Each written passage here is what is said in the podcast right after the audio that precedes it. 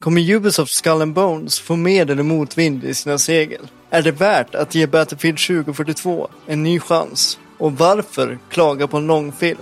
Allt detta och mycket mer i veckans avsnitt. Spänn fast er och häng med!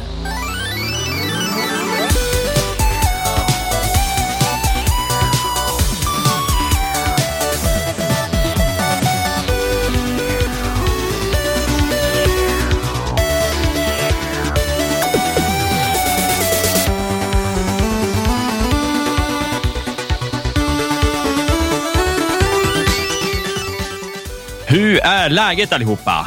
Välkommen till avsnitt 55 av Allt under kontroll. Podden där inget är under kontroll och er källa till nyheter, spelreviews och underhållning varje lördag. Eh, Jag är David Sjöqvist och med mig har min co-host Daniel Jesaja Sjöqvist.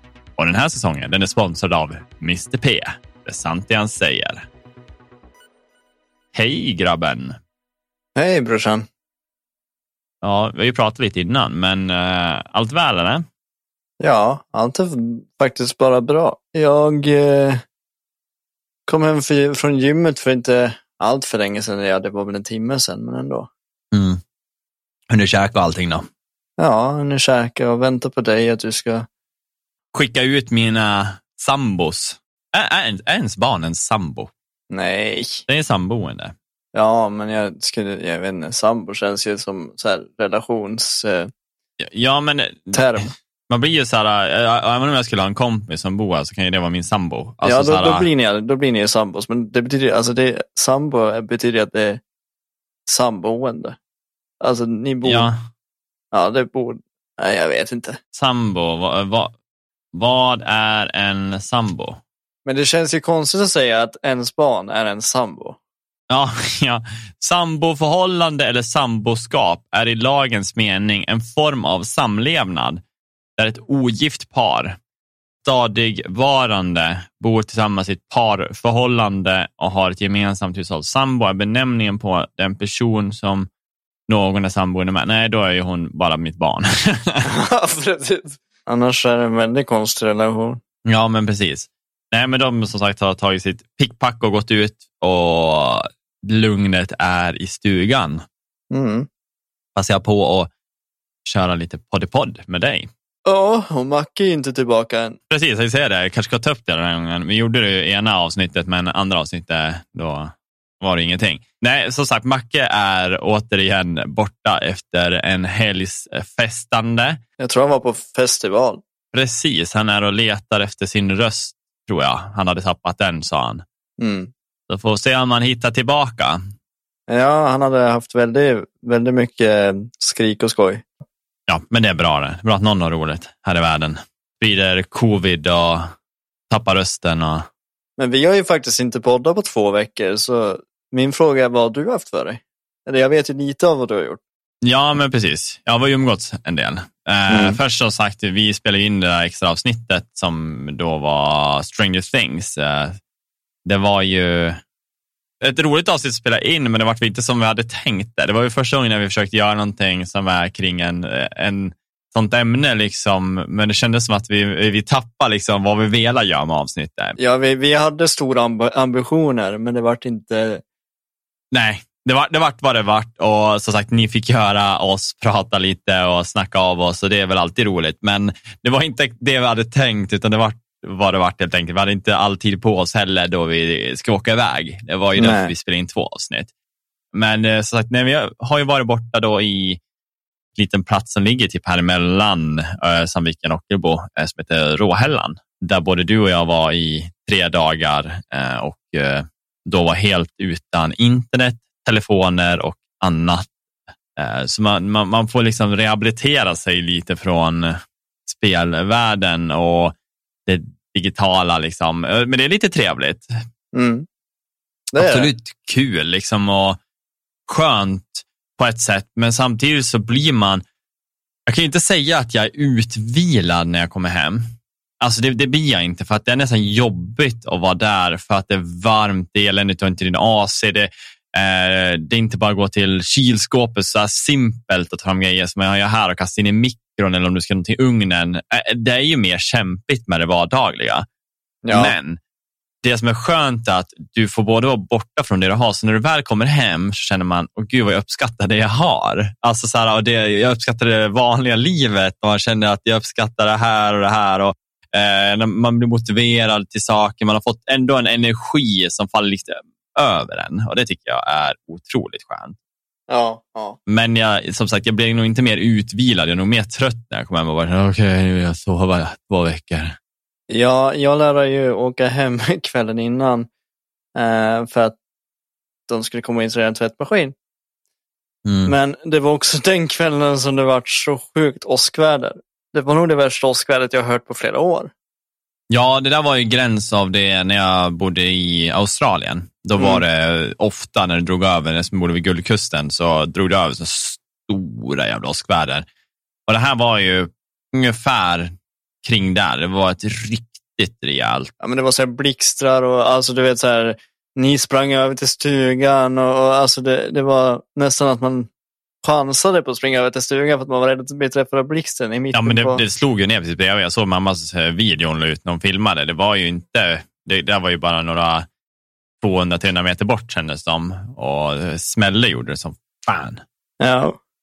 Jag tror för en gång skulle, det var en sån här stund när jag hade faktiskt respekt för Åska. Jag brukar alltid tycka det är kul att vara ute och titta, men där börjar jag känna, nej det här är inte så roligt. Jag går in och lägger mig nu. typ, jag går in och lägger mig och bara stänger ner allting. Ja, nej, jag sa ju till mamma att vi kan ju, alltså, vi kan ju åka hem imorgon. Vi behöver inte åka nu. Men då ville ju hon hem och kolla till katterna också. Eh, och speciellt att jag skulle ko- komma hem och kolla till mina katter eftersom de är lite mindre. Mm. Men, men det roliga var att när vi åkte hem då, det rykte ju på vägen. För att det var en varm väg och så kom det kall, kallt regn. ja. Så hela vägen rykte ju hem. Så att mamma såg ju ingenting när hon skjutsade hem oss. Typ. Hon fick ju hålla sig längs de här vita, vita ränderna ja, på- men det förstår jag. Det var helt vägen. sjukt vad det regnade. Mm. Ja, det var ett äventyr. Ja, det var en rolig grej som hände, eller som du tyckte var roligt. Det var ju att jag dök upp. Ja, eller jag, jag, och, jag, jag och Jotten tyckte det var kul. Ja, det var- så här för er som vill höra historien. Eh, den är så pass simpel, men grejen var att jag gick då över för att jag tyckte att det började bli lite så här obehagligt med åskasnära när vi stod ute och kollade ute på, eh, ja, på, typ på gräsmattan. Då. Eh, det spöregnade och så började jag komma närmare. Jag bara, men jag går in och kollar till Stina så att hon sover. Eh, hon hade ju vaknat till lite och kröp omkring där och så jag fick få henne att somna igen. Eh, och sen eh, kom jag på det att just det, Silja, vår hund, är otroligt åskrädd. Eh, hon ligger kvar i huset och eh, då hade det redan börjat diskuteras om att mamma och Daniel och eh, brorson då, eh, Elliot eh, med hans tjej då, skulle åka hem då på kvällen för att Daniel hade då ärenden att ta hand om dagen efter med tvättmaskin. Eh, så att jag kom på det att men du, de kommer ju ta, stänga ner den stugan, eh, alltså he, eller det, hela huset där då, så att, och låser, för vi ligger i ett separat hus. Då. Eh, och eh, då kom jag på att men jag går över och den, men jag orkade inte klä på mig än, så jag hade mina kalsonger och så drog på mig min, eh, detta på min regnjacka, för jag tyckte att det var smart så jag inte blir för blöt.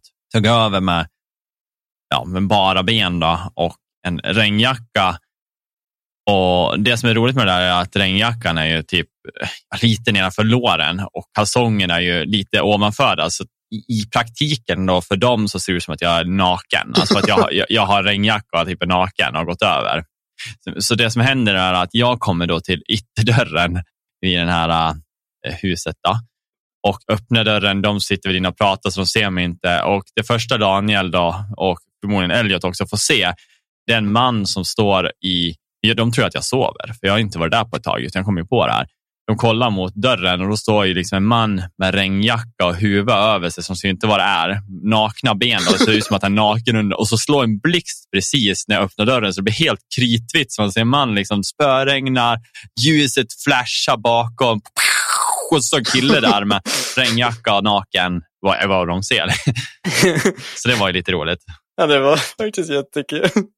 Men jag skulle bara hämta hunden, så jag ja, tog henne och Men du, du, du hade ju den här regnluvan på dig också. Det var det som Ja. var grejen. Att jag såg, man såg inte att det var du. Nej, inte förut. Man kan tänka mig att man bara, va? Vem fan är det som står här mitt ute i skogen? Det är ju liksom mitt ingenstans. Det är ingen som bor där liksom. Nej. Eh, nu kallar jag det för hus, men det är ju typ två torp. Kan man säga, kan man säga torp? Torp? Det är torp. Ja. Det är lilla torpet, stora torpet. Nej, så att, eh, det var lite roligt. Men utöver det, nu har jag pratat lite om den vistelsen. Eh, utöver det så har det varit direkt tillbaka och eh, jobba. Eh, varit ett antal gånger till stranden, bada. Det har varit Ockelbomarknaden. Eh, då var vi ju där och då träffade jag dig igen. Ja. Då, och det var ju trevligt. Det som sagt, marknaden för mig har ju, är ju inte något mer att man, man blir inte så jätteexalterad och tycker att det är otroligt bra produkter att köpa. Det är mer en, en anledning att både få träffa familj men även kanske träffa bekanta eh, skolkamrater och sånt där från tiden man gick i Ockelbo Mm. eh, eller gymnasiet. Då. Så det är ju många man ser och nickar, hejar och pratar lite med. Men annars är det ju oftast maten, liksom att man, man tar den här langosen. Eh, Den obligatoriska langosen. ja, men precis, den ska ju tas en gång per år på marknaden. Liksom. Minst, den brukar jag kunna äta flera gånger, men just på marknaden så lär jag ta en. Sen köper man ju sura remmar, eh, också en sån här obligatorisk grej, att få hem någon sån. Strumpor. Eh, strumpor, ja. jag köpte 10 pack för 100 kronor, vilket är nice. Ankelstrumpor. Det fanns 12 också. Ja, jag fick reda på av eh, kompisen att han köpte 20 för 150 där. Jaså? Eh, den missade jag. Det hade jag ju velat gjort. Ja, jo. Nej, men det är nice. Det är faktiskt nice. Jag brukar alltid fylla på eh, strumpförrådet på marknaden.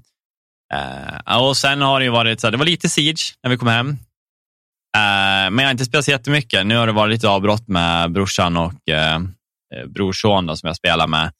Uh, får se om jag kommer igång. Jag pratade lite med dig om det, att jag inte varit 100% exalterad över att sitta och spela något eh, spel som har med, vad ska man säga, när man rankar eller när man kör typ Battle Royale som, eh, ja, jag vet inte, jag har fastnat i någon liten dålig vibe just nu där jag känner att jag inte orkar bara. Jag orkar inte, jag orkar verkligen anstränga mig för att alltid bli bättre. Eh, utan då vill jag komma tillbaka till mina kampanjspel igen och få bara njuta och kanske spela lite själv och bara kunna känna lugnet efter jobbet och sånt där när man, eller när man har lagt stigen. Att ta vara på liksom en stund eh, och bara, ja, bara vara vara med sig själv och landa lite helt enkelt. Ja, jo men precis. Så det är ju en, en skön del eh, i det, att, att få det. Men samtidigt så känner man också att här, man vill ju också spela det. Att man har lagt mycket tid och man börjar, bli, liksom, man börjar känna att man blir duktigare. Eh, men eh, ja, just nu, just nu så känns det som att jag, jag ska nog ta ett, liksom, ett kliv tillbaka från competitive gaming. Mm. Eh, jag har varit lite för exalterad eh, ett tag, snäppet beroende. Ja.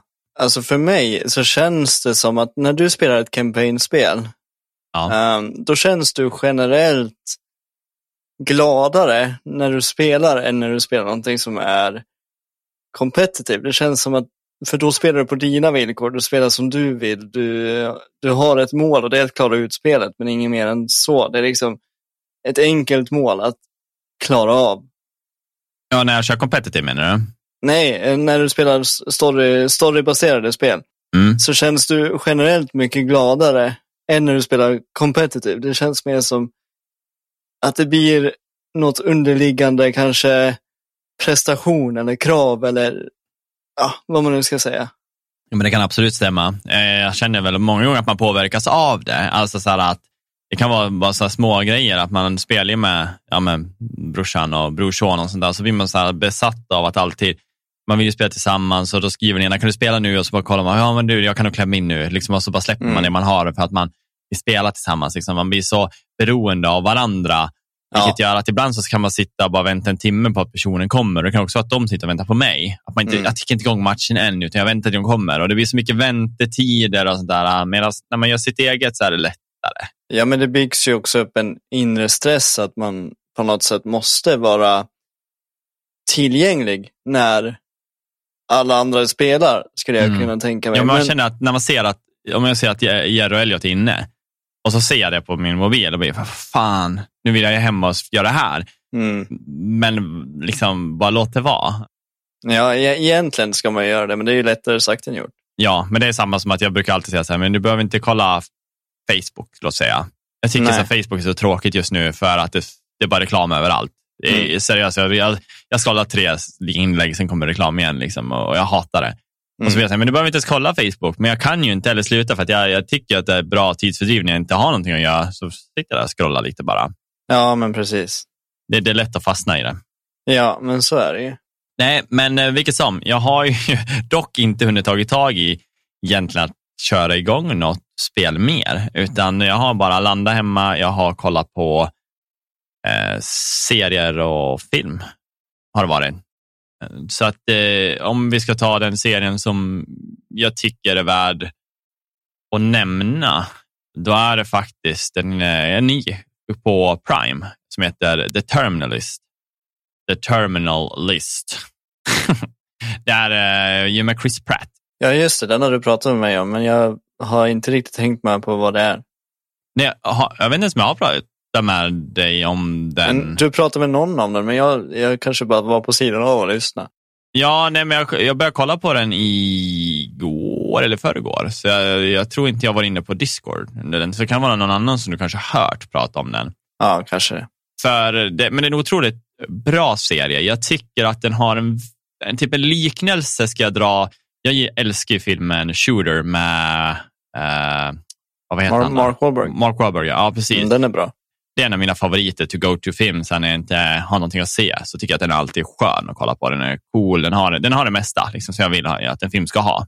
Mm. Uh, den här efterliknar den väldigt mycket känslan av den här vendettan, att ge tillbaka hämnden för uh, någonting som har hänt. Uh, Eh, den här killen då som är en Navy Seal-officer som förlorar hela hans eh, vad ska man säga, platon. Det heter ju ja, men hans gäng han är då officer för. Mm. Eh, så att, och han börjar ju tro att han är typ dum i huvudet, att han har inbillat sig saker eh, medan det visar sig att det finns en ganska stor korrupthet inom eh, hela den här operationen de var inne i och gjorde. Mm. Eh, så att han går ju på en riktig så här vendetta för sitt, sin eh, platon då, eh, och försöker hitta den som är ansvarig för det här. Så det, det, det är jättelikt i den, den aspekten, men den är otroligt rå också och cool. Men den är även lik lite av Punisher. För att mm. karaktären känns väldigt mycket Punisher. Liksom. Det finns ingen, absolut ingen hejd på honom. Nej. Uh, vid ett tillfälle, och det kan jag tycka faktiskt det var riktigt äckligt. Så att, I sig så är det ju en, en spoiler vad som händer, men jag säger inte till vem eller vad. Men det är en kille som han eh, då, då säger är arg på. Då. Uh, eller arg, han vill döda den och han vill se den i ögonen när han gör det. Då tar han fram sin, typ som en sån Navy Seal typ yxa, en mini-yxa man kan, man kan säga att det är. Mm. Och så mm. går han fram till personen och så snittar han upp där magsäcken är. Mm. på personen. Han trycker upp honom mot en kant, hänger upp honom liksom på, med, med äh, händerna så han står mot liksom en pelare. Snittar upp och så tar han tag i vet, inälvorna och så hugger han in den i stolpen, inälvorna. Så han har mm. dragit ut hela inälvan och så säger han åt personen att gå. Då ska han gå tills liksom, eh, hans inälvor går av. En fråga, är det, är det Chris Pratt som, som, som gör den scenen. Ja, ja. För du vet, alltså jag har ju en bild av Chris Pratt och det är att han alltid typ spelar samma karaktär. Mm. Eh, en rolig... Eh... Han gör en bra seriös roll i den här. Ja. Så som han är i Guardians är han ju lite Jurassic Park, alltså, man, mm, alltså mm. karaktärsmässigt. Ja, men han, han gör det ju bra. Alltså, mm. Han passar ju det så. Men, men här kändes det mer som att han var annorlunda. Men han är superallvarlig. Så, ja, men det, jag menar, det, det, det är därför jag tycker att dra Punisher-grejen är ganska, för att eh, Punisher är ganska allvarlig. Mm. Shooter är ju ändå lite så här, I don't think you get it, they kill my dog. Alltså typ så här, ah, den har den här komiken i sig också. Det här är väldigt, han sad, alltså han mår dåligt, han är, eh, ja, nej, så jag, jag skulle absolut rekommendera folk att se den här. The Terminal. The Terminalist. Terminal List. Ja. Eh, den ligger på 8.1 på IMDB, overall score på 13 000 votes, så det, det, är ändå ganska bra. Eh, jag, jag, tycker att man måste orka se första avsnittet, jag tror det var det, för att man får väldigt mycket flashbacks, vilket kan kännas som att hela serien var eh, så här mycket att det är nästan av gränsen av så PTSD, dement. Mm, mm. Det är svårt liksom att tolka det, men så fort jag hade kommit förbi det, då började jag acceptera helheten och jag tycker att den är jättebra. Ja, Tycker du att eh, hittills att poängen på IMDB stämmer överens med vad du tycker? Ja, ja, absolut. Jag har bara ett avsnitt kvar. Um, som sagt, jag såg, uh, ja, jag såg nog fyra, nej, fem igår och två idag. Ja, ja. Så jag har ett kvar då, eh, på den här säsongen som har kommit ut. Så att det, kom, jag vet inte om det kommer till säsong, men uh, jag hoppas väl att det kan fortsätta på ett sätt, men att det går mot ett annat håll. Uh, att det, de drar ut på att det, det, det, är större än vad man tror, om du förstår vad jag menar. Att det inte bara är som på shooter, då tar det slut, då har han ju till slut nått sitt mål. Här Ja. kanske det är liksom att i sista avsnittet nu, att det kommer till såna grejer. Okej, det här var bara en liten del av det. Alltså korruptheten går djupare än vad man tror att det ska vara. Liksom. Mm. Nej, så det har jag väl gjort och tycker att det var värd att nämna. Eh, och som sagt, spelmässigt har jag inte kört så mycket, men jag är sugen på att ta upp eh, och köra klart Life is Strange True Colors, för det känns som ett spel som är lättsamt. Och jag, du, du pratade gott om det när du hade kört klart det och jag hade ju kört första Mm. kapitlet av det. Mm. Men det kändes som så här att där kan jag lägga lite tid nu när jag inte ska spela lite competitive och försöka bara landa i spelandet utan att gå in för aggressivt i det igen. Nej. Och, och grejen med, med sådana spel som Life is Strange, det är ju att du kan spela ett kapitel, sen kan du ta en paus. Alltså du, du, du vet så här, när kapitlet är slut, det betyder ta en paus. Typ. Ja, precis. Eh, Ja. och det, det kan vara skönt att ha. Då vet du att i åtta dagar kan du spela Life is Strange, för det tar ju ungefär åtta timmar att klara ut det. Så en timme per kapitel, kanske en och en halv. ja. Nej, men som sagt, det ska bli kul och jag ser fram emot att sätta mig ner med någonting. Vad har du gjort, Daniel? Jag, eh, jag tänkte säga att jag inte gjort så mycket, men jag har faktiskt eh, utforskat Playstation Plus, det nya då. Och det pratade jag om förra gången när vi poddade, att eh, hur det var med prisklasserna och, och att när man betalar när man betalar det dyraste så får du liksom Playstation 5 och 4-titlarna Mm men det räckte med att man betalade för mitt, mittenpaketet, Playstation Plus Extra, Mm. så fick du eh, hela Playstation 4-biblioteket och Playstation 5-biblioteket som de har tillgängligt. Och eh, enda skillnaden mellan Extra och Premium är ju Playstation Classic-katalogen, vilket inte berör mig så pass mycket just nu. Nej, precis. finns inget som tilltalar mig att varför skulle jag betala, ja det är inte så mycket extra men det är ändå Det var väl, man får väl också typ någon eh, mer exklusiv titel, va? Alltså grejen är att du får ju sådana här äh, testperioder. Du får testa spelet i två timmar innan du bestämmer dig om du vill köpa det. Mm. Så att det, om de släpper ett nytt spel så kommer inte det släppas i Playstation-katalogen utan det släpps som en testversion. För att du sen ska kunna spela i två timmar och bedöma om du vill betala för det sen. Mm, precis. Så det är bra. Eh, Jag hade dock önskat att de gjorde som, som Xbox, att de kan ha så day one-releaser på sina spel, sina exklusiva titlar. Mm. För jag tror inte att de skulle gå så mycket förlust på det, snarare att de skulle gå vinst. Ja, det tror jag också. Ja. Är det någonting som säljer för Playstation så är det deras titlar och folk skulle betala eh, mer än stor, faktiskt 150-180 kronor för just det syftet. Ja. Mm. Nej, så jag utforskar det eh, och jag har tagit ner, eh, jag tog ner Returnal eh, och, och började spela det. Det är ju det här, ja, vad ska man säga, man kommer, jag har bara spelat typ en timme eller två. Men man kommer ju till en planet, kraschlandar på en planet. Jag tror man ska till planeten från början. Det är bara att man kraschlandar i fel koordinater och måste ta sig runt. Men de får väl en distress signal från den, va? Och ska ner och ju kolla vad det är som... Ja, precis. Det är någonting som för sig går där. Vad vet man inte, det, det är ett ganska mysterium. Mm. Men det börjar ju med att man kommer dit, man eh, går runt, man möter lite fiender och sen så kommer man till ett, ett, eh, ja, ett bossrum. Och jag stod ju typ en halvtimme och försökte döda den där bossen. Ja. Tills jag till slut märkte att man ska inte döda bossen. Det ska inte gå. Utan du ska dö av den. Och när du dör av den, det blir lite spoilers nu kanske, men när du dör av den, då märker du att när du, när du är på den där planeten så är du i en loop. Ja, okej, ja. ett sånt här scenario. Men grejen med det är att när du vaknar upp sen så kommer det inte se, alltså världen ser likadan ut, vägarna ser likadana ut, men fienderna kanske inte är på samma ställe. Så du kan liksom inte läsa av situationen och göra samma sak igen. Så världen förändras inte alls? Ja, det kanske den gör. Eh... Ja, jag för, jag för mig att det roterar lite så att det andra, den byggs upp på olika sätt man inte exakt går samma vägar. Men... eh, Nej, men jag tror att de dörrar du har låst upp är nog upplåsta. Eller jag vet inte, jag har inte spelat så mycket. Ja, Eh, Men just, jag kanske bara är fortfarande i tutorial-stadiet och där förändras det inte så jättemycket. nej precis. Eh, Men i vilket fall, jag, eh, jag tycker att det är kul.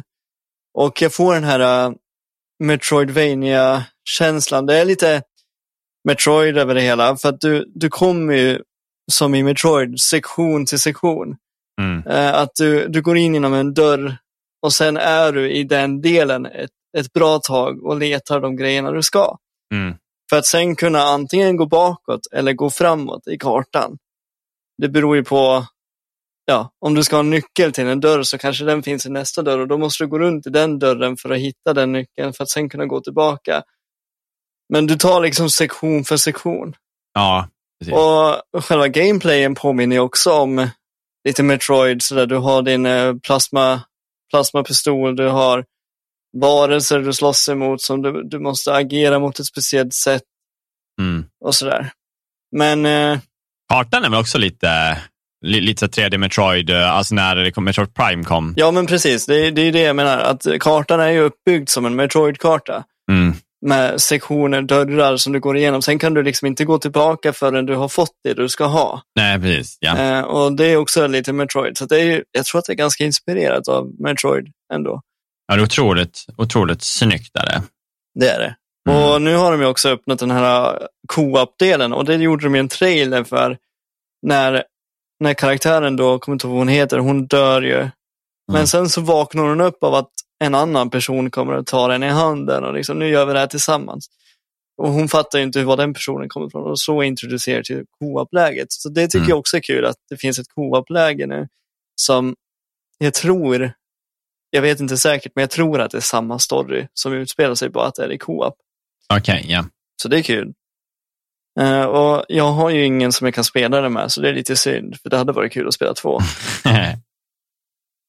Rätta mig om jag har fel nu, det kanske inte du vet, men Playstation Plus Premium, eller Playstation Plus, den nya tjänsten, ja. den, kommer den finnas till dator också som Game Pass? Eller är det liksom Playstation? Betalar du för eh, premium då, som är den dyraste, då får du så att du kan göra exakt som du kan med Playstation Now. Du kan streama det till eh, eh, data. Då. Så du kan rent tekniskt spela Returnal fast du streamar det?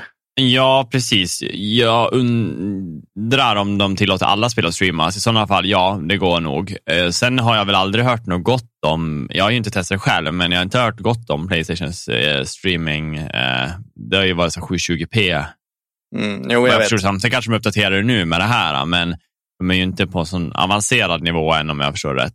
Nej.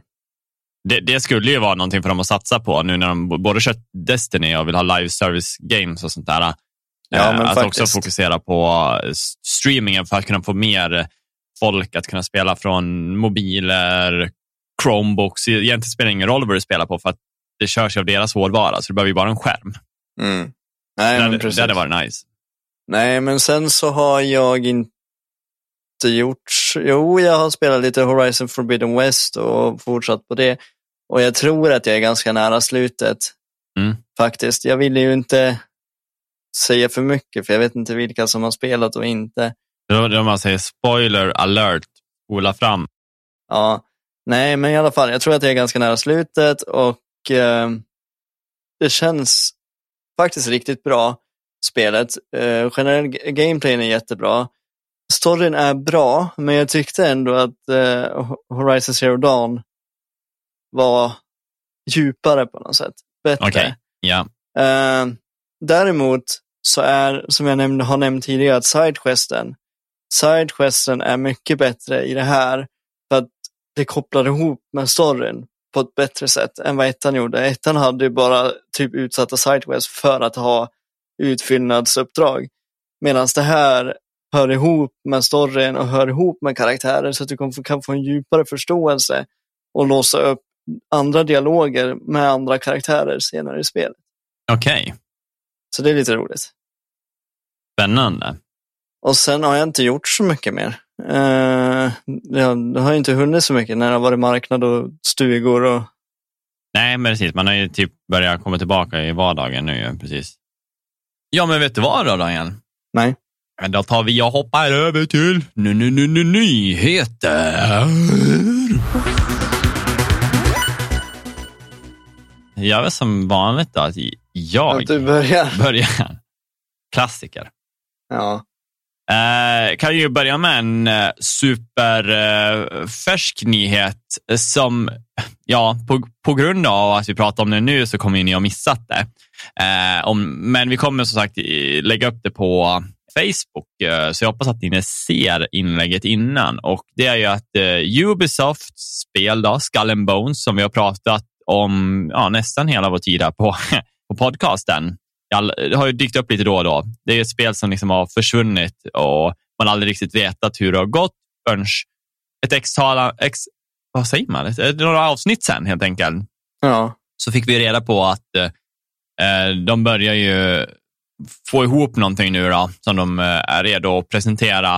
Eh, man fick ju se en liten, eh, ja vad ska jag säga, early access-test av någonting som hade läckt helt enkelt.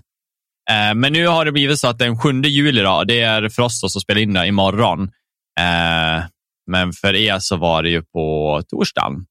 Då är det eh, en Ubisoft Forward Show som kommer då visa upp gameplay då, av Skull and Bones, vilket är roligt för då är det ju de själv som visar upp, ingen läcka eller någonting. Så då kanske man får se en eh, väldigt aktuell bild av vart det ligger idag.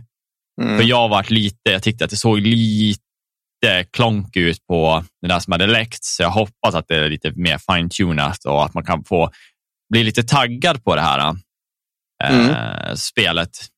Jag tycker väl att det kanske inte är exakt det jag trodde att det skulle vara när, jag, när man såg läckan. Så, eh, de kanske har mer under rockärmen, om man säger så, som gömmer sig lite goda goda saker man kan göra på båten. Så jag tyckte att det såg lite stelt ut, lite för mycket. Var det en läcka? Jag trodde det var en trailer. Nej, Nej jag tror det var, jag för mig att det var en läcka. Eh, ja, som gick innan. Mm. Men eh, som sagt, det är ju så roligt och eh, jag ska försöka komma ihåg nu då att verkligen göra, lägga upp det här så att ni är med på den här Ubisoft Forward-showen då, eftersom det här är då inspelat före då, ni inte missar det. Mm. Ja, över till dig. Ja, alltså på tal om Ubisoft, så imorgon så visar de ju den här Ubisoft Forward-grejen. Det fanns också en, eh, en grej att Ubisoft kommer ha en, en, en större Ubisoft Forward den 10 september. Ja, precis. Mellan klockan 12 och 15 då, där man kommer få lite mer. Det här, den här forward-grejen är väl mer till för, eh, för just Skull and Bones och visa vart de ligger till i utvecklingen och visa gameplay och sådär. Men jag tror att det som kommer 10 september, det är ju eh, för typ alla deras titlar kanske uppdateringar och grejer. Ja, precis. De håller väl på med någon Assassin's Creed antar jag, någon fortsättning eller nytt, eller, eller om de börjar om. De, kommer börja remakes på första, de snart första, andra, tredje. Ja, de har ju gjort remaster, men alltså Ja, men de är så pass gamla att en remake på Ezios historia hade varit förmodligen, den hade nog sålt bra. Det hade den. Absolut. Ja, eh, sen har vi ju som sagt en, en, lite tråkig grej som jag kan tycka. Eh, vi har ju han då, Gilbert då, som är skaparen till Monkey Island, en klassiker från 1990-talet. Eh, det har ju släppts några re, eh, här, en remake och då, en och annan på, på, typ telefon och sånt där som har kommit ut eh, av de här. Men nu arbetar han ju på det, sitt nya spel som eh, har blivit väldigt uppskattat ska jag nog säga. Alltså, så här, folk har sett fram emot att det här ska komma. Ett point and click-spel. Uh, eh, han har ju verkligen gått en annan väg med det grafiska, om man säger så. Men jag tror att uh, han har ju haft lite problem med att folk kanske då som är, vad ska man säga, die hard fans Eh, kan tycka att, då att han kliver ifrån det det en gång har varit. Liksom. Eh, jag ser mycket känsla i det här spelet. Alltså typ som att han vill verkligen förmedla någonting som kommer vara nog ett fantastiskt spel. Mm.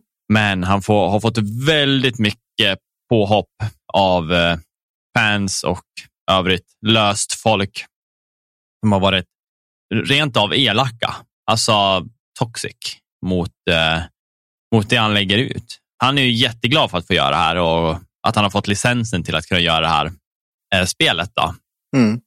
Men han känner sig trött på att lägga ut på nätet. Alltså han har ju uppdaterat ganska frekvent om vad som händer och vad de tänker. Och liksom av ren glädje för fansen.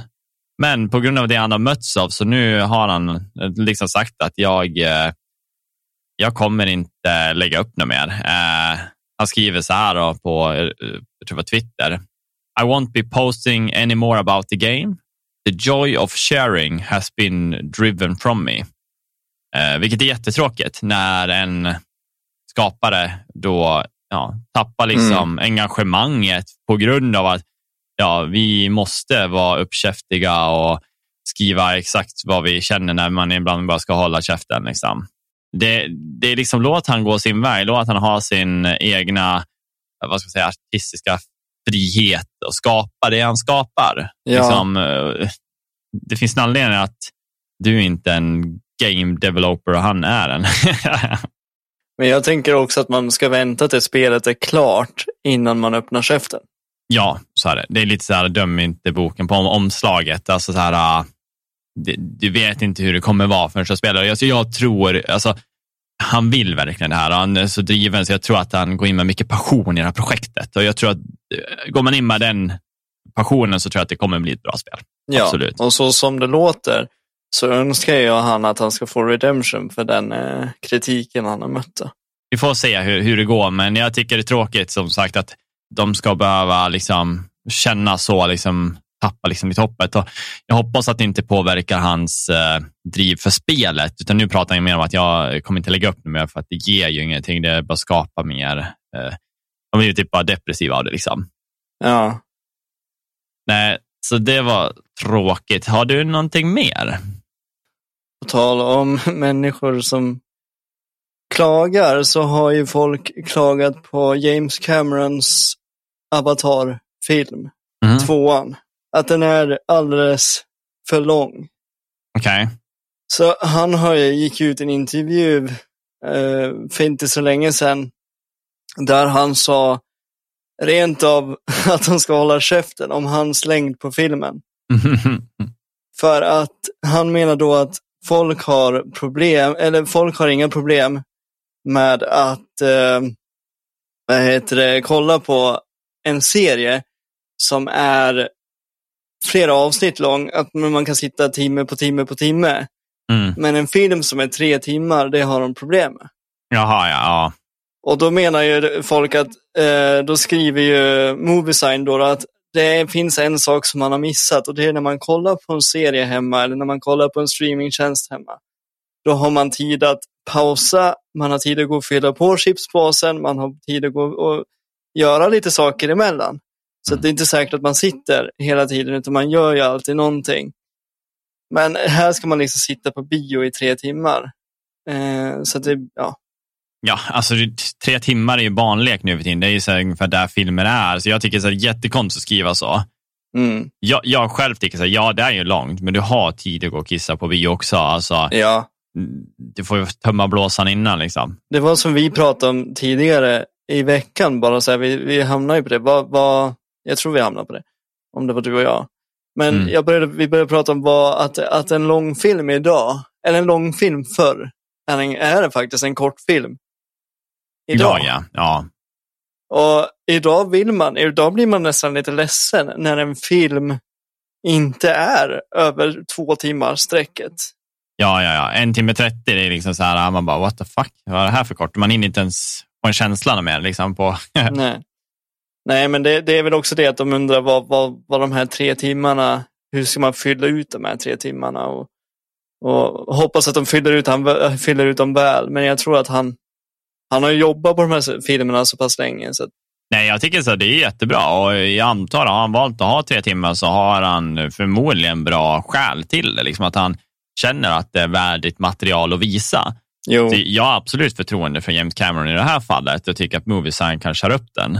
Men Ja. det, det, det är så absolut konstigt eh, argument och särskilt nu när vi kan ta bara ett exempel. Då. Eh, då har vi ju Stranger Things, sista Mm. avsnittet på den här säsongen. Vad är det, två och en halv timme långt? Ja. Liksom, då pratar vi serier. Ja. Liksom så här, det, tidsaspekten är liksom egentligen så borttagen.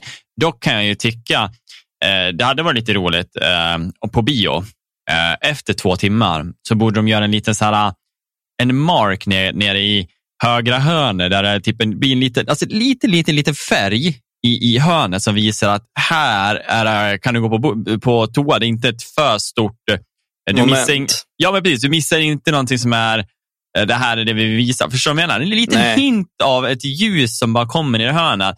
Okej, Mm. Här eh, har du tio minuter som är lite så här döda tid, men det kan ju vara kul att se. Men det är inte så här, åh nej, nu dog eh, Supermans eh, mamma, jag blir ledsen. Nej. Moment liksom. Nej. Eller Spiderman. Ja, men det var ju, det var ju som när vi gick på, när vi gick på Spiderman, du och jag, och, eller vi alla gick på Spiderman och så Mm. frågade du alltid mig när man kunde gå på toa. Jag, inte än. Ja, och det, det är ju skönt när någon vet. Och det, är därför skulle, det skulle faktiskt vara, det ska fan skriva in, bara, fan lägg till en liten hint om när det är dead time och då ska det vara liksom att här finns det fem minuter typ då, eh, Mm. som är eh, ja, en bra, bra tillfälle att gå på toa om du väl behöver. mm. För det, det är tråkigt när man inte har gått, när man går med någon som inte har sett filmen, om man inte, ingen har sett den, och så sitter man där och bara, men tänk om jag missar någonting, och så sitter man bara och skakar och så blir man ju så här, ur fokus Ja. av det. Nej men så är det ju. Och jag säger, eh, Moviesign skrev ju också att, eh, och jag håller väl med dig, Cameron har ju inte helt fel att folk klagar på tre timmars långfilm. För att i dagens samhälle ska allting ske väldigt fast paced. Alltså det ska vara, du vet det är därför TikTok finns och, in, och det är därför Ja. TikTok håller på att gå om YouTube. För att på YouTube finns långa klipp. På, på TikTok finns det små, små 10 10 till en minuts klipp som man kan få alla svar man behöver på en minut. Ja, ja, det har ju blivit, eh, och det märker jag själv sen man har kollat TikTok och kollat på shorts, Mm. eh, att min, eh, och, jag har försökt faktiskt, jag har börjat försökt undvika dem där för att jag tycker att jag blir mer otålmodig till eh, långa grejer. Så jag tycker att det påverkar mig Mm. att kolla på eh, de korta. För att jag tycker att det är skönt att se dem, men jag orkar inte då heller ta mig tid att kolla på en lång film av det fall, alltså av den anledningen. Nej. Så jag, jag känner lite, lite mer att jag vill inte hålla på och kolla på shorts eller ja, TikTok då, för att Mm. få tillbaka min mentalitet till att kunna bara sätta mig ner och ta mig tid och kolla på en film eller en, en väl, eh, ja egentligen läsa bok också är lite samma sak. att eh, Det var ju länge sedan jag satt och läste en bok nu och det har nog liksom mycket med det att man får så mycket skicka till sig, alltså när man kollar på de här TikToks och Ja. snabba grejerna. Ja, men precis. Sen känner väl jag också personligen att om man går på en biofilm, om man går på bio, Mm. då får man räkna med att sitta där.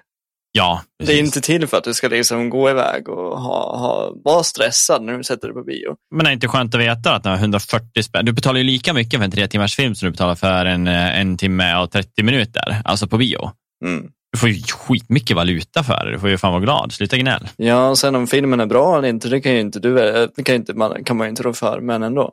Nej, nej, så är det ju. Men du, bara på tal om då. Eh, vad tycker du att det är den perfekta längden för en film då? Mm.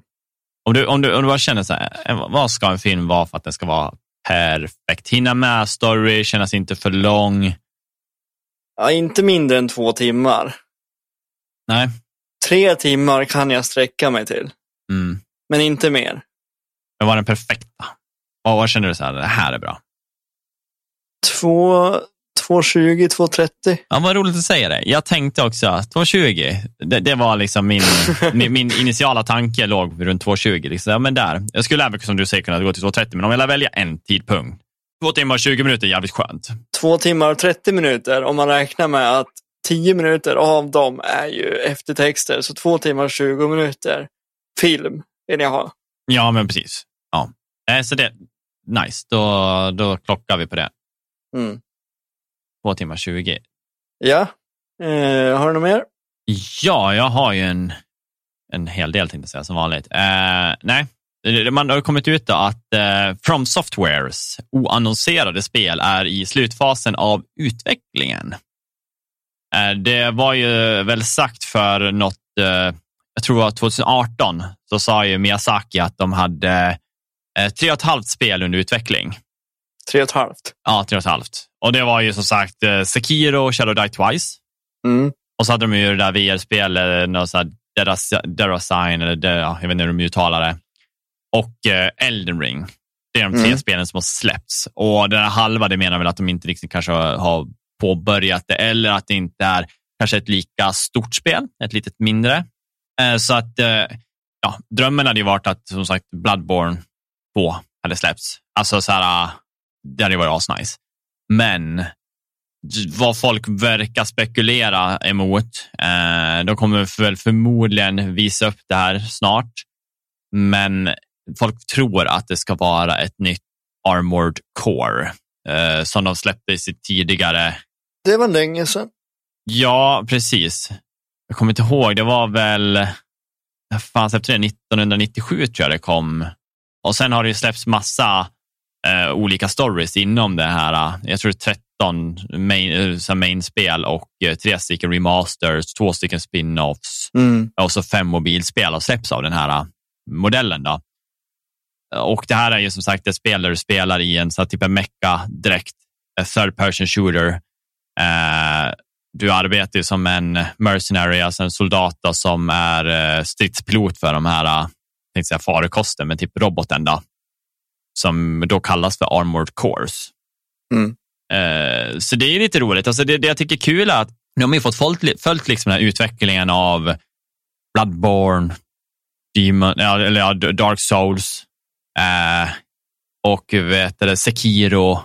Väldigt lika spel, liksom så här i eh, vad ska jag säga, eh, samma anda helt enkelt. Men sen kan vi säga att Sekiro ser inte alls ut som Dark Souls. Det är helt annan liksom, miljö, vilket jag tycker är en helt fantastiskt spel också.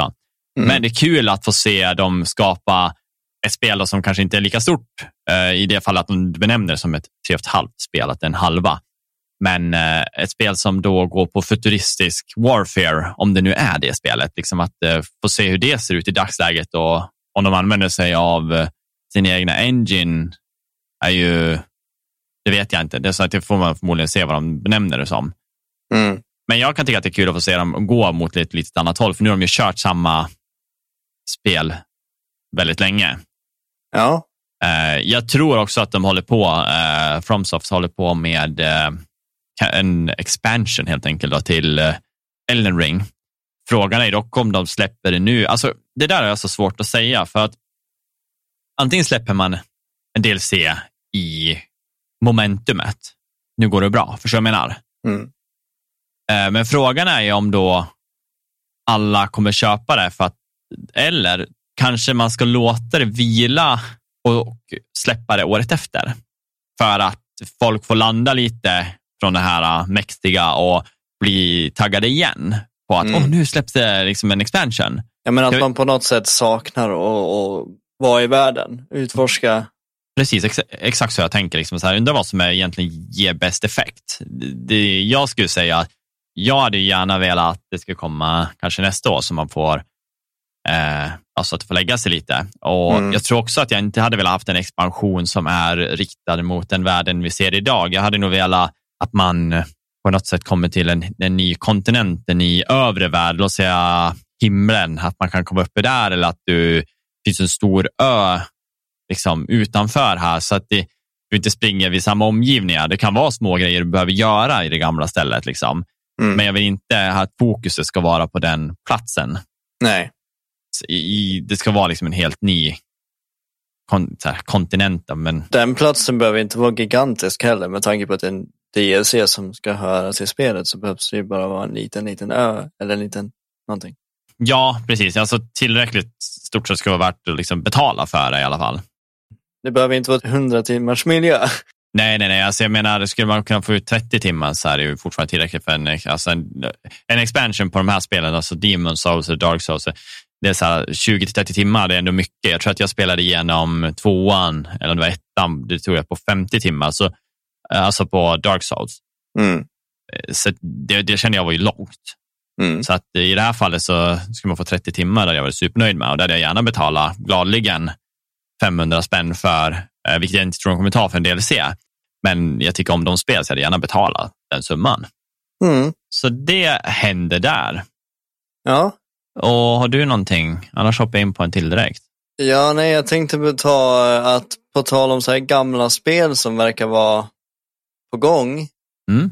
så har vi ju ett Skate som, som jag spelade förut.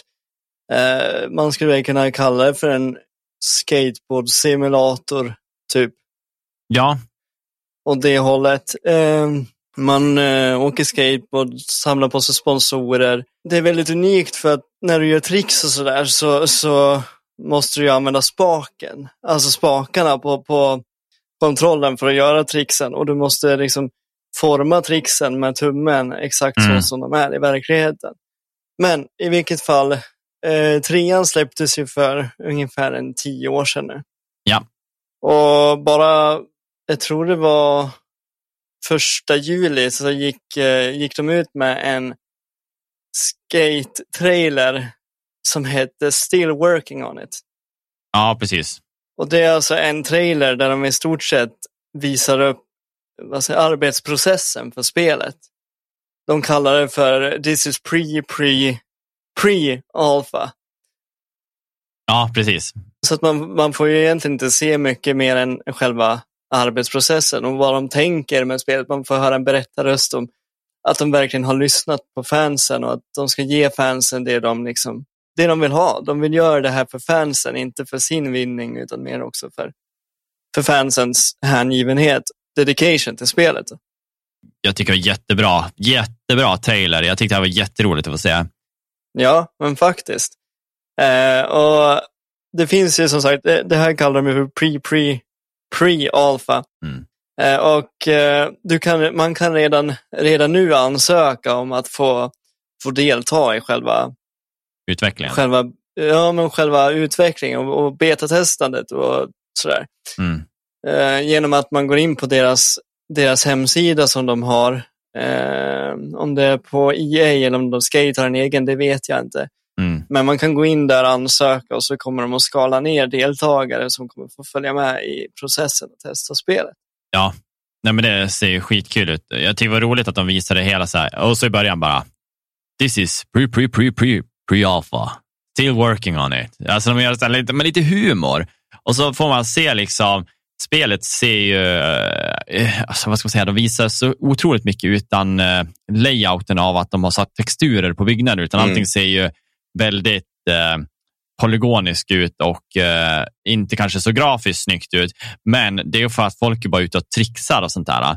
Men sen Mm. visar de också emellanåt att eh, designen, alltså texturerna Ja. också, att det körs Hur, hur, det, hur det är tänkt. Ja, men precis. Ja, och jag tycker det där är så jäkla snyggt. Och sen eh, att de har lagt till eh, parkouren, så att du kan ta Mm. brädan, springa, hoppa upp på en byggnad och hoppa från byggnaden sen och då ta fram brädan. Det är superroligt och modernt tänkt.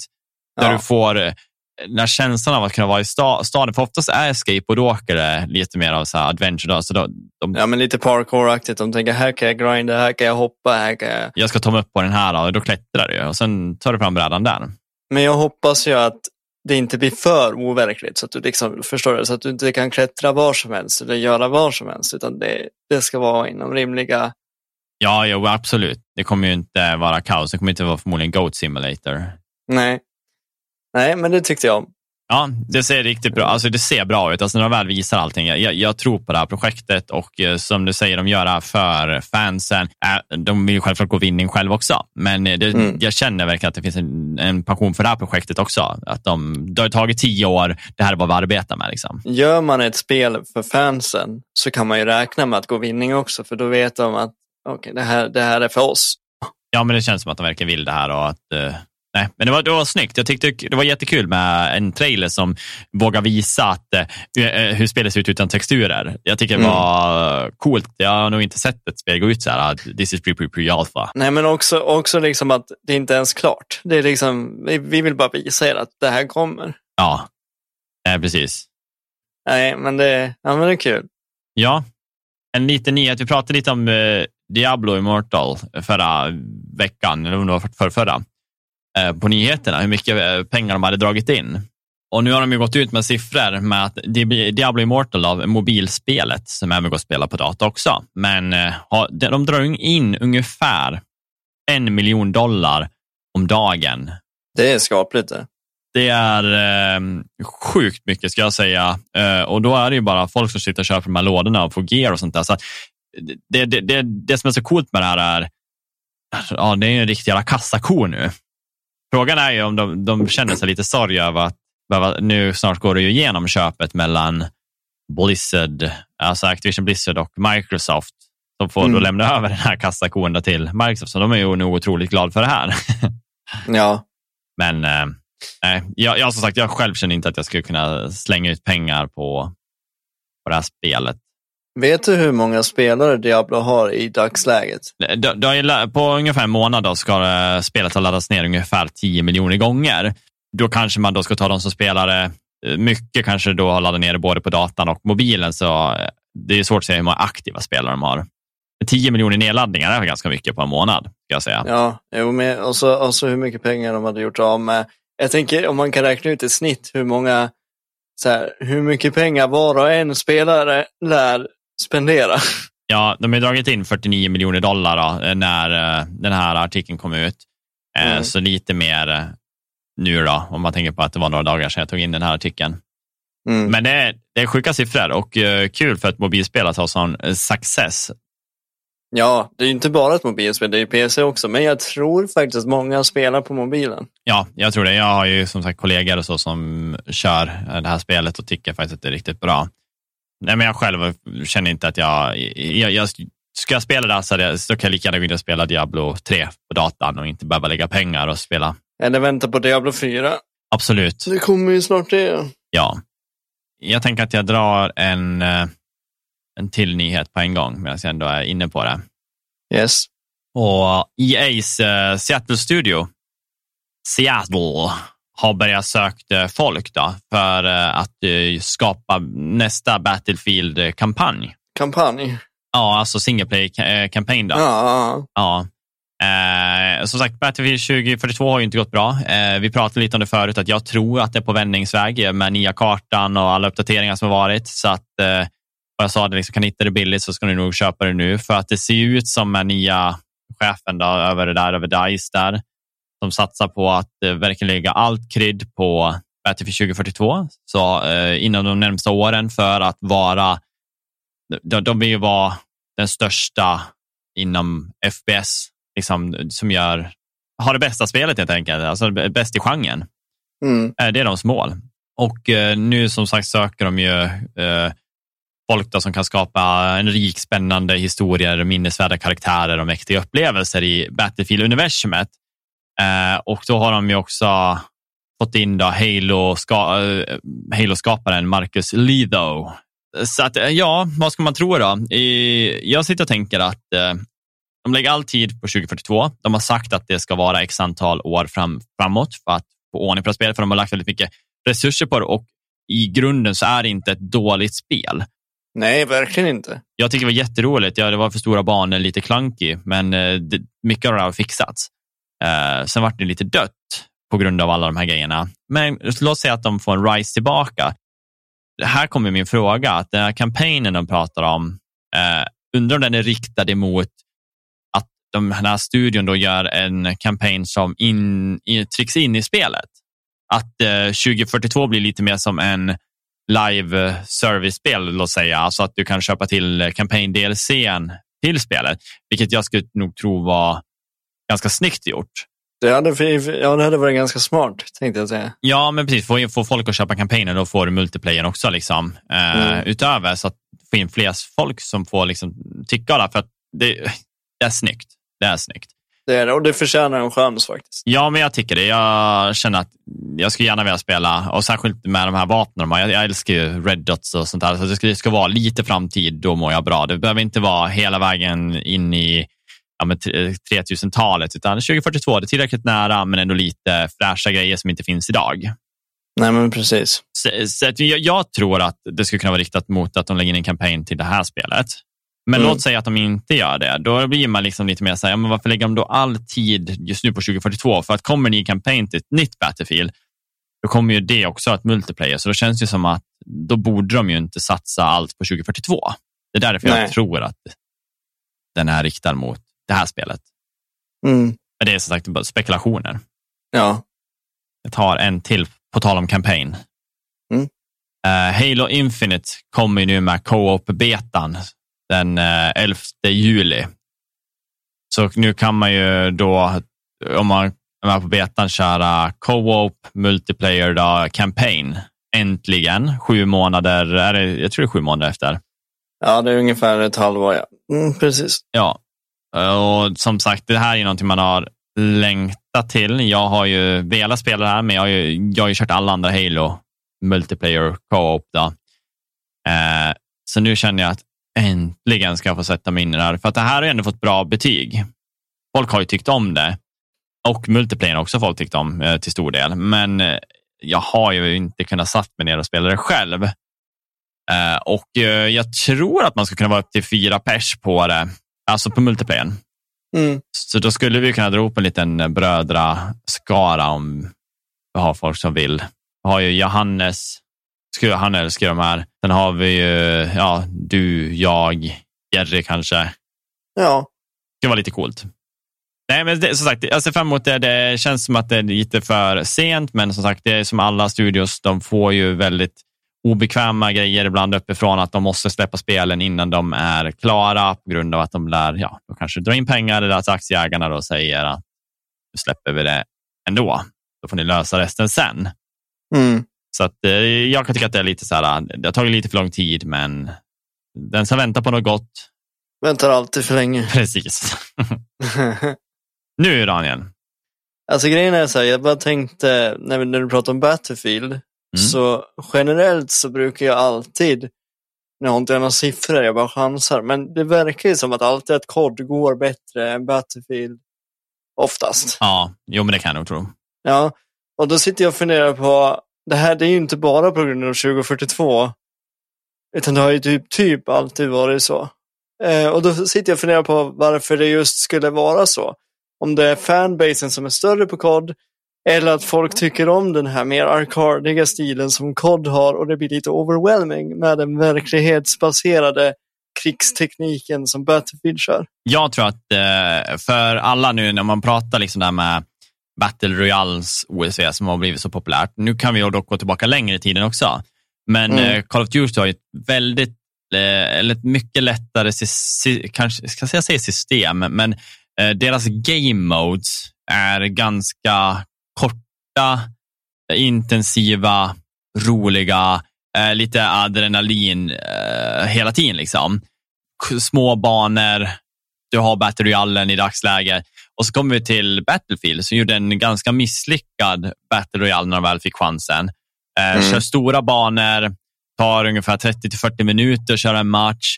Du kan inte riktigt själv bära matchen på grund av att det är så stora slagfält. Så ett ganska utdött eh, eh, koncept som kanske dock behöver se över lite. Jag skulle väl eh, tro att Battlefield hade mått bra av att kanske gå mot mindre banor som har matcher på 10 till 15 minuter, lite mer aggressiva.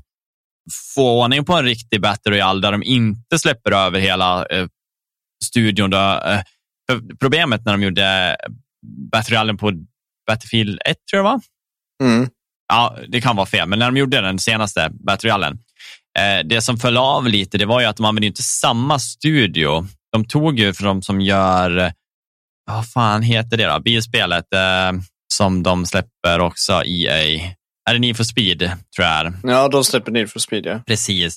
Ja, men jag har för mig att det var Need for Speed Heat-teamet eller något sånt där, som eh, mm. eh, de tog över för att de hade mer eh, kunskap eller någonting inom online liksom, biten, om jag inte Mm. missminner mig. Eh, och jag tycker att det, det, man tappade liksom den här känslan, vapnen kändes inte lika, alltså hela strukturen var annorlunda. Jag kommer ihåg att jag och min kompis eh, Stefan, eh, vi gick in och körde 1 som fan dagen innan Battlefield skulle släppas, bara för att liksom öva in oss. Nu ska vi komma in liksom i det här med siktet, och för jag älskar Battlefield.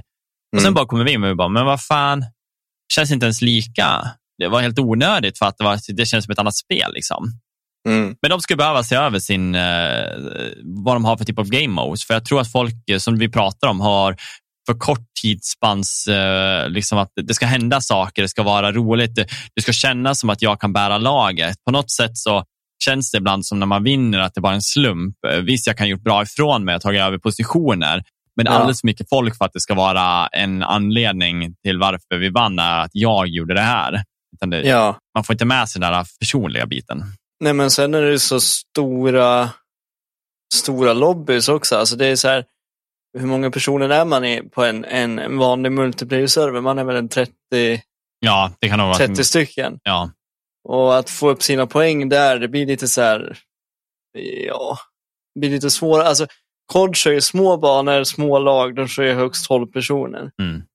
Ja, men det är det jag menar. Alltså, din, din, din lilla insats i den stora eh, plutonen, om man säger så, Mm. det- den är inte så markant och det känns som att oftast när man förlorar så, jag försökte men du kan inte bära laget. Men Nej. i kod då kan det verkligen vara så här, ibland har du flow. Ibland så Ja. springer på de här, ja men man är 12 pers liksom, eller vad fan man är.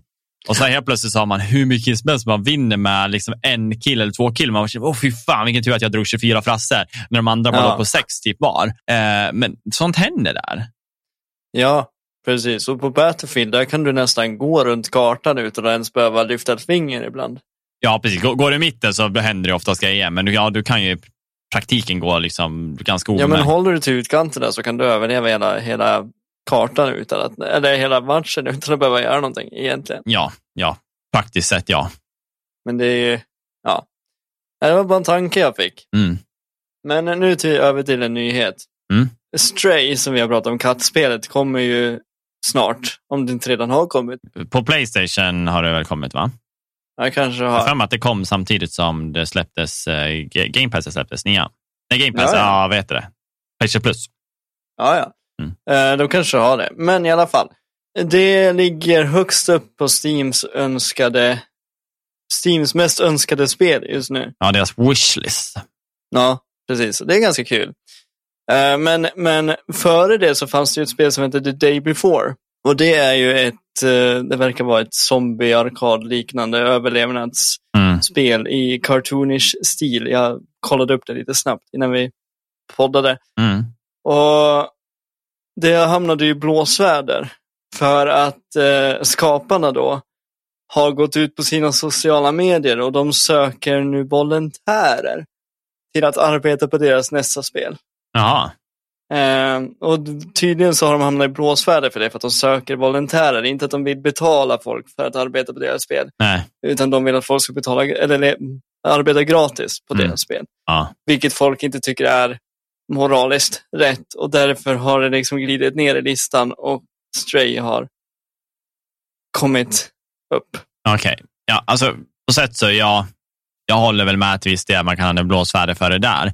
Men att Mm. söka volontärer är ju mer så här, hej vill du? Du har ju ett val. Det är inte så att de tar in någon eh, eh, ja, men person som jobbar i någon sweatshop som ska gå in och koda åt dem. Det är liksom, du har ju själv valt.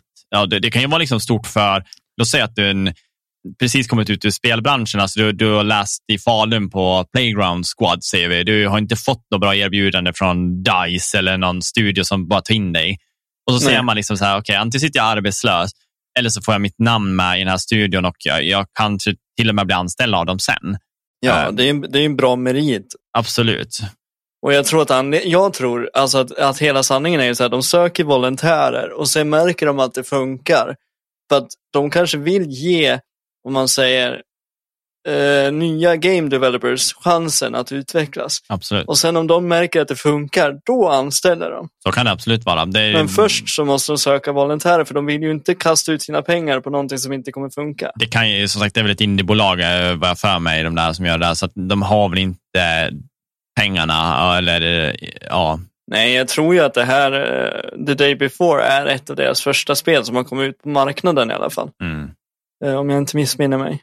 Nej, precis. Men jag vet inte vilken, vilken studio som gör The Day Before, för det, det, det fick jag inte fram. Eh, Men, men de hamnade i blåsväder för det. Och jag kan ju förstå hur det verkar, alltså att de verkar lite så här som att de inte vill betala, men jag tror det ligger mer bakom. Ja. Nej, som sagt, jag kollade. De, utvecklarna heter Netastic. Utan A, Netastic. Ser ut som de har gjort någonting mer innan, men det är sådana små Prop Night eh, och The Radiant, en Radiant One. Ja, Och utgiven är Mytona, så det är frågan om vem som fick skiten. Men jag antar att det är utvecklarna och inte utgivarna. det är de som söker volontärer antar jag. Mm. Men eh, ja, sen har jag en liten nyhet till som jag tänkte dra av dig, min sista. Mm. Eh, och det är ju att Xbox Game Pass och GeForce Now och även Stadia kommer komma till eh, Samsung TV-apparater. Okej. Det är ganska skönt ändå, för om man, om man då har en TV, nu måste det i och för sig vara en Samsung, så kan du ju i stort sett spela alla spel som finns på de här plattformarna Mm. ganska bra ändå, via en TV. Ja, precis. Alltså, eh, kör man single player-spel och bara vill ja, men gibba lite lätt, liksom så, Mm. då ser jag inte det som ett problem. Det enda som inte är så roligt att köra, det är sådana här typ som, ja visst, du kanske kan spela Apex Legends, men är, kommer du vinna mycket? Nej, kanske inte, för att du får disadvantage med desynken då, delayen. Mm. Nej, men det, det, det, de kommer ju lansera någonting om de inte redan har lanserat det, men på de, de nya Samsung TV-apparaterna Mm. eh, så kommer det komma någonting som heter Samsung Gaming Hub och där kommer alla de här finnas tillgänglig och kunna använda. Jag tror att du kommer kunna använda vilken Bluetooth-handkontroll som helst Ja. för att kunna spela vilken som behagar dig, vilken du har hemma. Mm. Eh, tror Xbox och Playstation och även ja, Stadia då, funkar. Nice. Så det, gaming börjar bli mer lättillgängligt. För alla, ja. GeForce finns ju på eh, LG TV-apparater, men som sagt Xbox, det har vi inte kommit dit än. Men Nej. Kul att se att alla, bara, att alla får möjlighet i alla fall. Sen vet jag inte om det är alla nya tv-apparater som kommer från och med nu. Det tror jag att det brukar vara att det har ett eh, typ så här, eh, vad ska man säga, processor, WebOS eh, eller system. Ja. Jag tänkte på din 77-tums OLED-tv. ja, precis. Bra att du nämner den. Nej, den har ju typ sån WebOS 10 eller någonting och då, då sagt den klarar jag av att ha eh, GeForce Now då. Men Mm. tar man eh, LG OLEDen, modellen innan, CXen, eh, den har, kan inte ha det. Den har inte rätt system, eh, operativsystem då, Nej, nej. tyvärr. Nej. Nej, men annars så, vad kan det mer vara? En liten grej som vi skulle kunna ta, för det är också någonting som jag tänkte att man kan prata om, men eh, det har ju kommit ut att Ubisoft kommer stänga ner en del online-tjänster för en rad äldre spel.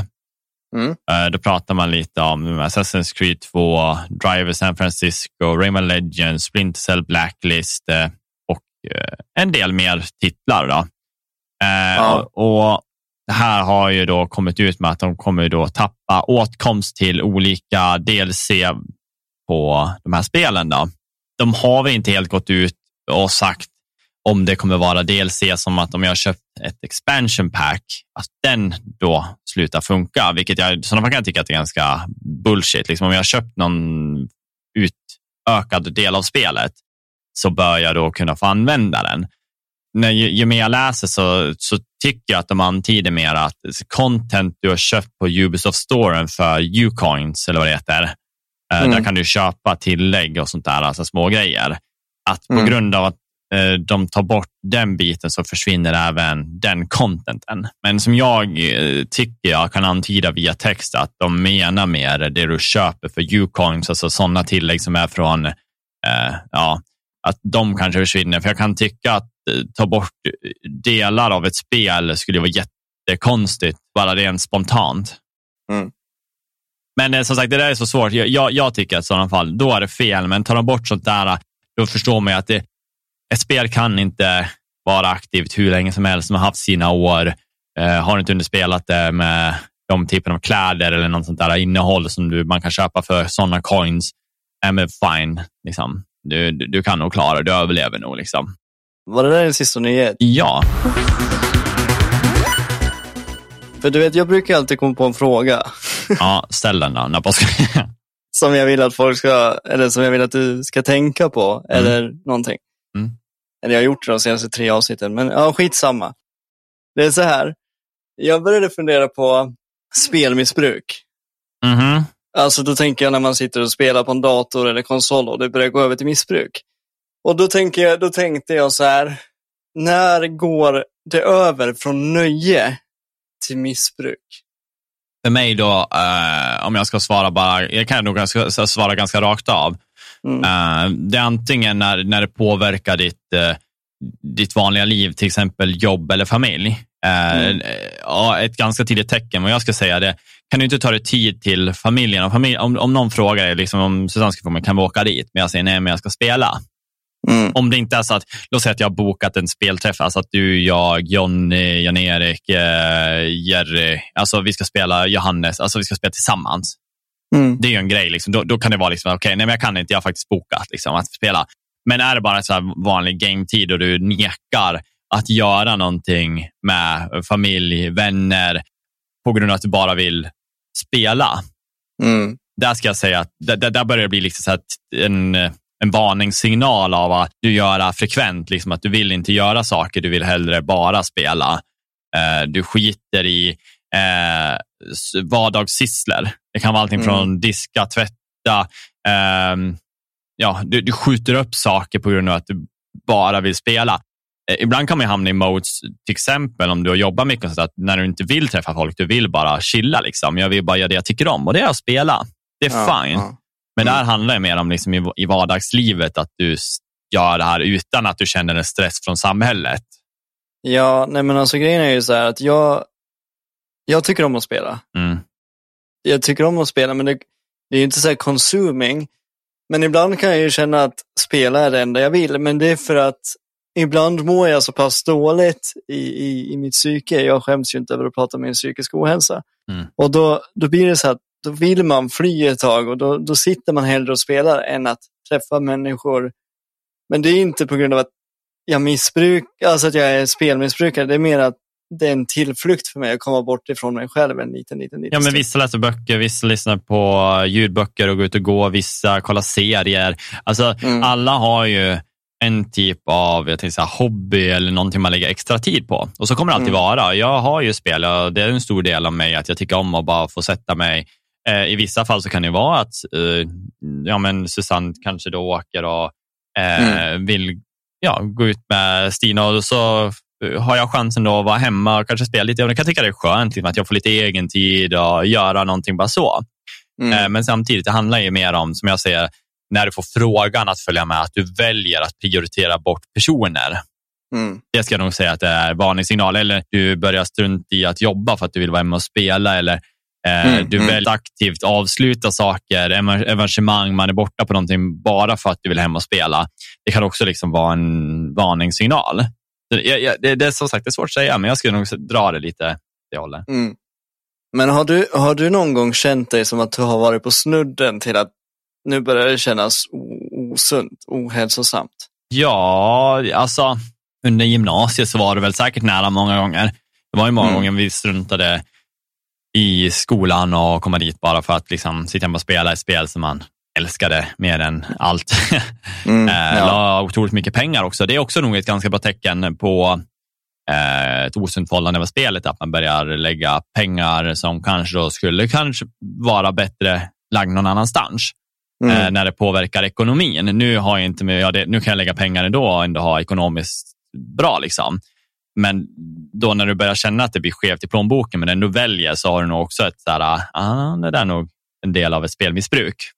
Mm. Men jag, jag har nog varit några gånger och även kan jag bli en snudd mot det hållet. Till exempel när jag spelar kompetitivt spel som nu, så kan mm. jag pausa vissa grejer. Inte helt, jag, jag går inte in i beroende helt, men jag, jag, kan känna att det blir en risk.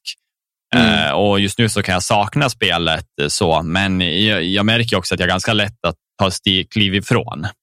Ja. Liksom att jag kan faktiskt välja som nu och bara, nej men jag vill inte spela det på ett tag. Liksom. Mm. Och det tror jag att, kan du inte göra det, då lär du nog eh, anta att du har missbruk. Ja, det var min veckans fråga. Veckans fråga! Det segmentet tycker vi om, det behåller vi.